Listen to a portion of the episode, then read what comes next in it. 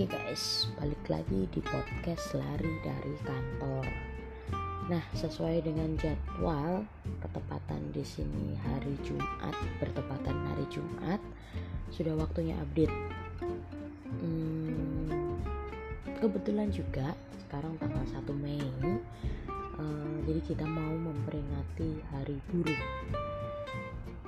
Sebagai seorang pekerja, tentu juga istilahnya paling nggak ngerti lah ya sejarah hari buruh itu kayak gimana.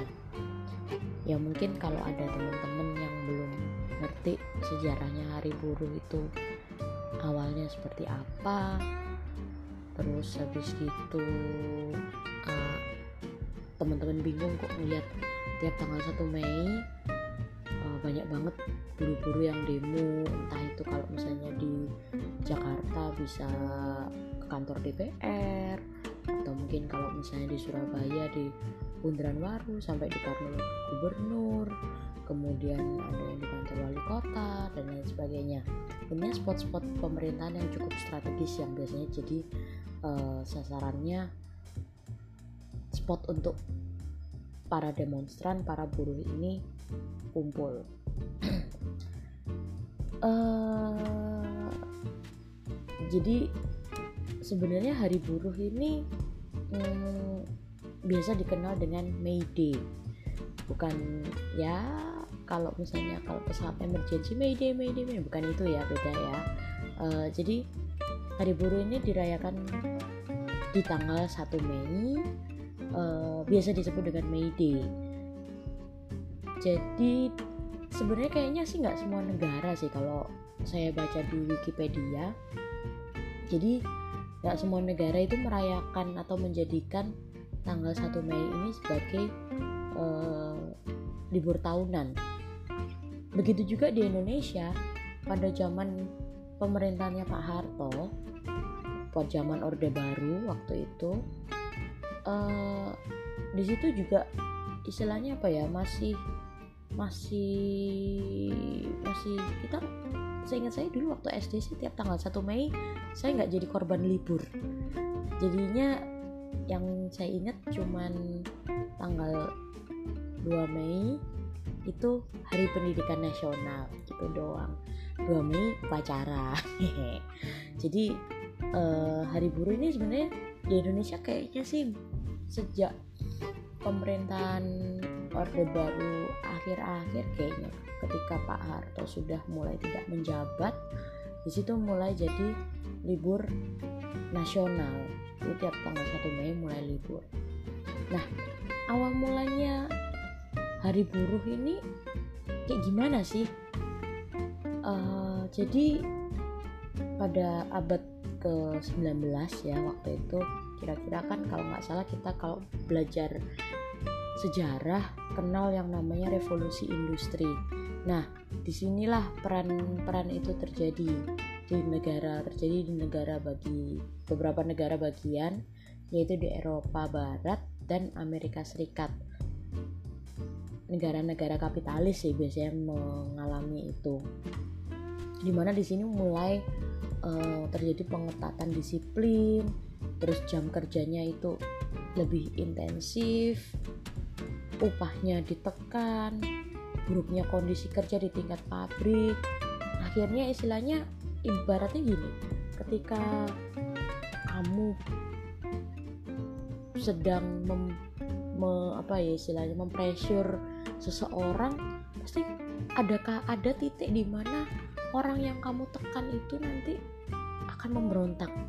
Nah karena kondisi lingkungan kerja yang gak nyaman istilahnya kayaknya dulu belum kenal yang namanya K3 belum kenal yang namanya SHE HSE belum belum kenal mereka. Jadi kalau misalnya kerja ya bisa mungkin lebih dari 8 jam ya bisa bisa sampai uh, eh, 19 jam bahkan 20 jam. Kebayang nggak itu capeknya bakal kayak apa? Mungkin ketika mereka kelihatan lemas kelihatan nggak bersemangat waktu kerja bisa aja dicambuk. Kayak zaman penjajahan Belanda dulu atau mungkin zaman penjajahan Jepang. Itu pasti seperti itu. Nah di sini akhirnya ngomong kembali lagi ke pemberontakan ya. Jadi ketika seseorang dalam dalam kondisi yang tertekan lama lama-lama juga pada akhirnya berontak.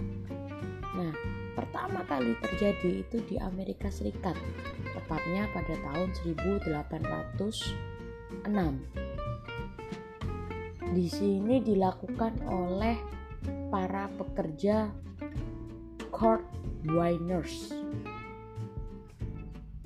Nah, um, sayangnya ya namanya juga istilahnya keadilan itu sering kali memihak yang punya duit ya. Nah di sini istilahnya para uh, para yang menginisiasi kegiatan pemberontakan tersebut akhirnya diseret ke pengadilan. Nah, di situ mulai muncul nih, eh ternyata mereka itu kerja 19 sampai 20 jam loh. Nah, sejak saat itu akhirnya mulai diperjuangkan sedikit demi sedikit yang namanya hak buruh. Mulai dari pengurangan jam kerja. Jadi mereka intinya pengennya sih upah itu upah itu istilahnya diterima wajar tapi jam kerjanya nggak segila itu men. Ya jujur terima kasih buat para buruh yang sudah me, istilahnya sudah menginisiasi kegiatan pemberontakan tersebut. Uh, tapi di satu sisi juga istilahnya kita sekarang menikmatin gitu loh kita cuma kerja paling ya 8 jam 9, 9 jam sehari. Nggak sampai yang 19 sampai 20 jam.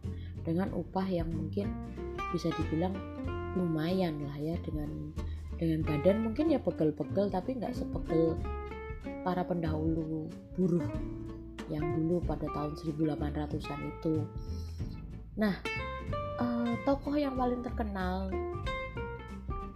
dalam istilahnya dalam adanya Hari Buruh. Ini adalah Peter McGuire dan Matthew McGuire. Uh, jadi mereka sebenarnya kayaknya sih operator mesin ya kalau saya ngomongin di tepatnya di New Jersey. Jadi pada tahun 1872 McGuire ini ngajak 100.000 pekerja untuk melakukan aksi mogok yang mana tuntutan utamanya adalah ya pengurangan jam kerja itu tadi yang dari 19 sampai 20 jam itu akhirnya bisa jadi 8 sampai 9 jam. Nah, uh, McGuire juga nuntut istilahnya uh, untuk menyediakan pekerjaan yang layak serta uang lemburnya. Jadi dia juga di sini nggak cuma mengumpulkan buruh aja, tapi juga para pengangguran itu dia jadiin masa juga. Sehingga waktu itu dia terjun langsung di pemerintahan kota demo uh, dan di situ dia ngajuin tuntutan-tuntutan untuk memberikan pekerjaan yang layak bagi para pengangguran ya. kemudian ada uang lembur juga kalau kerjanya melebihi batas ya mungkin kalau kerja sekitar 19 jam 20 jam harusnya 8 jam kerja utamanya gaji pokoknya sisanya yang 11 jam 12 jamnya adalah lemburannya ibaratnya seperti itu dulu biasanya sih rata-rata yang pada demo itu adalah uh, tukang kayu. Nah, akhirnya sampai berawal dari kegiatan itu tahun 1881 berdirilah uh, sebuah persatuan yang terdiri atas tukang kayu di Chicago. Ya, kalau di era sekarang kayaknya SPSI itu ya. Biasanya SPSI ada di beberapa perusahaan ada yang punya, ada mungkin perusahaan yang dompleng. Jadi ada perusahaan yang nggak punya SPSI tapi dia dompleng di perusahaan lain nah which is biasanya itu adalah SPSI wilayah misalnya kayak katakanlah di daerah mana ya? Hmm, sidoarjo misalnya. Ada ada sendiri ketua SPSI sidoarjo. Atau mungkin ketua SPSI di perusahaan X ada sendiri. Nah itu berdasarkan istilahnya areanya juga. Kemudian dan di sini nggak hanya buruh aja sih kalau di Indonesia yang punya perkumpulan-perkumpulan tersebut. Sekarang cukup banyak ya istilahnya hampir se hampir beberapa profesi punya perkumpulannya sendiri. Misalnya kayak advokat advokat punya perkumpulan advokat psikolog punya perkumpulannya psikolog kemudian HRD punya perkumpulannya HRD bisa regional Jatim Jakarta Jawa Barat dan lain sebagainya. Kemudian tahun 1882 tepatnya tanggal 5 September. Itu adalah parade hari buruh pertama diadakan di kota New York dengan peserta yang cukup banyak yaitu 20.000 peserta 20.000 orang. Mereka di situ membawa spanduk yang bertuliskan 8 jam kerja. Wih buset. 8 jam istirahat 8 jam rekreasi. Jadi ibaratnya 24 jam waktu yang dipunya setiap individu setiap buruh harus terbagi secara merata. 8 jam kerja 8 jam istirahat dan 8 jam rekreasi. Ya thanks God lah ya. Akhirnya istilahnya kita sekarang merasakan 8 jam kerja. Ya paling kalau melenceng-melencengnya 8 sampai 9 jam di mana di sini peraturannya sendiri kalau di Indonesia sih jam kerja dalam satu minggu adalah 40 jam. Seperti itu. Nah kemudian di sini eh, dengan adanya parade buruh pertama di sini akhirnya semua semua semua apa ya semua semua negara bagian mulai menyebar, mulai ikut menyelenggarakan parade ini. Nah, pada tahun 1887 eh, daerah Oregon, jadi di sini negara bagian pertama yang istilahnya apa ya? Jadi ini adalah suatu negara bagian di Amerika Serikat. Uh, dia menjadikan hari libur di sini mulai nih Day diperingati dengan hari libur. Ya mungkin karena ini ya karena ketika hari buruh banyak para pendemo daripada bikin macet, bikin istilahnya mungkin di situ ada anak sekolah, anak yang lagi sekolah terganggu dengan kegiatan demo ya jadi mending dibuat hari libur. Mungkin pemikirannya pemerintah kotanya Oregon pada saat itu kayak gitu. Nah, pada tanggal 18 eh sorry pada tahun 1894 uh, eh, Grover Cleveland menandatangani sebuah undang-undang yang menjadikan minggu pertama bulan September adalah hari libur umum resmi nasional. Nah ini awalnya nih diperingati May Day di situ. Nah kemudian seiring berjalannya waktu uh, di Jenewa diadakan kongres pertama yang menghadirkan berbagai elemen organisasi pekerja di seluruh belahan dunia. Jadi istilahnya kongres ini juga sama masih yang tuntutannya masih perjuangan masih berjalan untuk mereduksi jam kerja menjadi 8 jam sehari. Yang sebelumnya hmm, telah dilakukan di labor union di Amerika Serikat sama juga tuntutannya dengan mengubah istilahnya uh, pengurangan jam kerja dan ini menjadi landasan umum kelas pekerja seluruh dunia. Kebayang nggak guys? Uh, di sini udah istilahnya mereka berjuang untuk istilahnya kita kita nggak sampai merasakan hal yang mereka alami gitu loh. Bayangin kerja 19 sampai 20 jam. 10 jam aja gua udah muntah-muntah lagi. 19 sampai 20 jam. Cuman tidur 4 jam men. Ya kalau mungkin kerja otak nggak kelihatan capeknya tahu-tahu pingsan aja ya. Tapi kalau kerjanya kerja fisik kebayang nggak operator mesin berdiri di mesin 19 sampai 20 jam? Orang packing orang gudang angkat-angkat 19 sampai 20 jam. Wah nggak kebayang saya capeknya kayak gimana Akhirnya dari kongres tersebut pada tanggal 1 Mei ditetapkan Hari Perjuangan kelas pekerja dunia di Kongres 1886 eh, oleh Federation of Organized Trades and Labor Union. Nah, hari ini untuk memberikan momen tuntutan selama 8 jam sehari dan memberikan semangat baru perjuangan kelas pekerja yang mencapai pada titik masif pada era tersebut. Jadi 1 Mei itu dipilih oleh organisasi itu tadi, Federation of Organized Trades and Labor Unions. Uh, dan organisasi ini terinspirasi dengan kesuksesan aksi buruh di Kanada pada tahun 1872 yang menuntut 8 kerja di Amerika Serikat yang mulai diberlakukan pada 1 Mei 1886. Nah, sebenarnya sejarahnya cukup panjang. Kita tapi langsung lompat aja ini udah ketemu nih ya 1 Mei-nya. Tapi perjuangan 1 Mei itu sebenarnya nggak langsung di ACC. Masih ada aksi-aksi berikutnya pada tanggal 4 Mei. Di situ mulai ada demo. Terus habis gitu ada bu, bulan Julinya juga uh, di Paris itu juga ada demo cukup cukup banyak ya. Terus habis gitu uh, di Indonesia sendiri sebenarnya belum belum terlalu familiar dengan hal tersebut. Cuman pada tahun 1920 jadi di sini udah mulai mulai apa ya mulai memperingati hari buruh di Indonesia tanggal 1 Mei 1920 nah di sini hmm, dihadiri oleh jadi pada waktu itu DNI DIT ya jadi istilahnya biasa kok di sejarah kita mengenalnya uh, beliau sebagai salah satu tokoh komunis jadi putrinya itu menghadiri uh, peringatan Hari Buruh Internasional di Uni Soviet.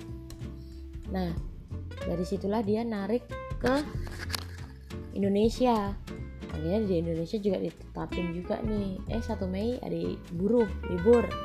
Tapi ternyata seiring berjalannya waktu pada saat pemerintahnya Bapak Soeharto Orde Baru bukan lagi merupakan hari libur. Hal ini karena apa? karena dianggap sebagai paham komunis. Seperti itu. Padahal ya nggak bukan paham komunis juga ya. Jadi ibaratnya seluruh negara belahan dunia itu merayakan hari buruh bahkan negara yang non komunis kayak Amerika kemudian Italia, Paris itu semuanya memperingati hari buruh cuman di Indonesia aja yang pada waktu itu eh, hari buruh dianggap sebagai aktivitas yang subversif. Eh, kemudian pada saat era Orde Baru berakhir uh, tepatnya tahun 99 sampai 2006 uh, eh, hari buruh ya udah demo demo aja. Mereka ketika bikin demo juga ada izinnya. Jadi nggak nggak membahayakan istilahnya apa ya nggak membahayakan ketertiban umum nggak melakukan perusakan seperti itu.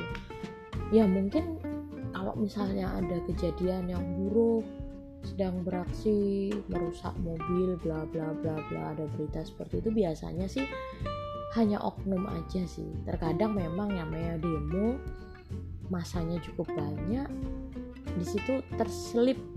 Ada oknum misalnya kayak preman atau mungkin ya pihak-pihak yang tidak bertanggung jawab. Tapi pada dasarnya kalau yang dikoordinir oleh SPSI oleh serikat buruhnya serikat pekerja semuanya berizin. Ada izin istilahnya mengumpulkan massa dan sebagainya di kepolisian. Makanya untuk pengadaan demo sebenarnya izinnya juga cukup cukup rumit ya seperti itu nah di situlah istilahnya uh, aksi buruh. Di sini memperjuangkan hak-hak juga. Jadi ya sedikit banyak kita harus berterima kasih juga. Akhirnya kita di sini merasakan uh, kerja cuma 8 jam sehari sisanya bisa bikin usaha bisa kegiatan senang-senang. Istilahnya balik lagi di podcast ini lari dari kantor jadi kita bisa melupakan kegiatan di kantor kegiatan di tempat kerja untuk agar kehidupan kita seimbang. Nggak cuma kesehatan aja yang seimbang kesehatan fisik aja yang seimbang tapi juga kesehatan psikis. So kalau diulik lagi sejarah hari buruh di Indonesia cukup panjang juga. Karena ketika tahun 2006 juga heboh-hebohnya. Uh, kemudian bahkan nggak cuma 1000 2000 buruh aja yang beraksi bisa 10.000 bahkan bahkan puluhan ribu tergantung pinter-pinternya serikatnya juga untuk mengumpulkan masa juga. Uh, dari situlah tahun 2012 di Wikipedia juga saya masuk sampai tahun 2013 di sini istilahnya sekarang ya 1 Mei sebagai hari libur nasional.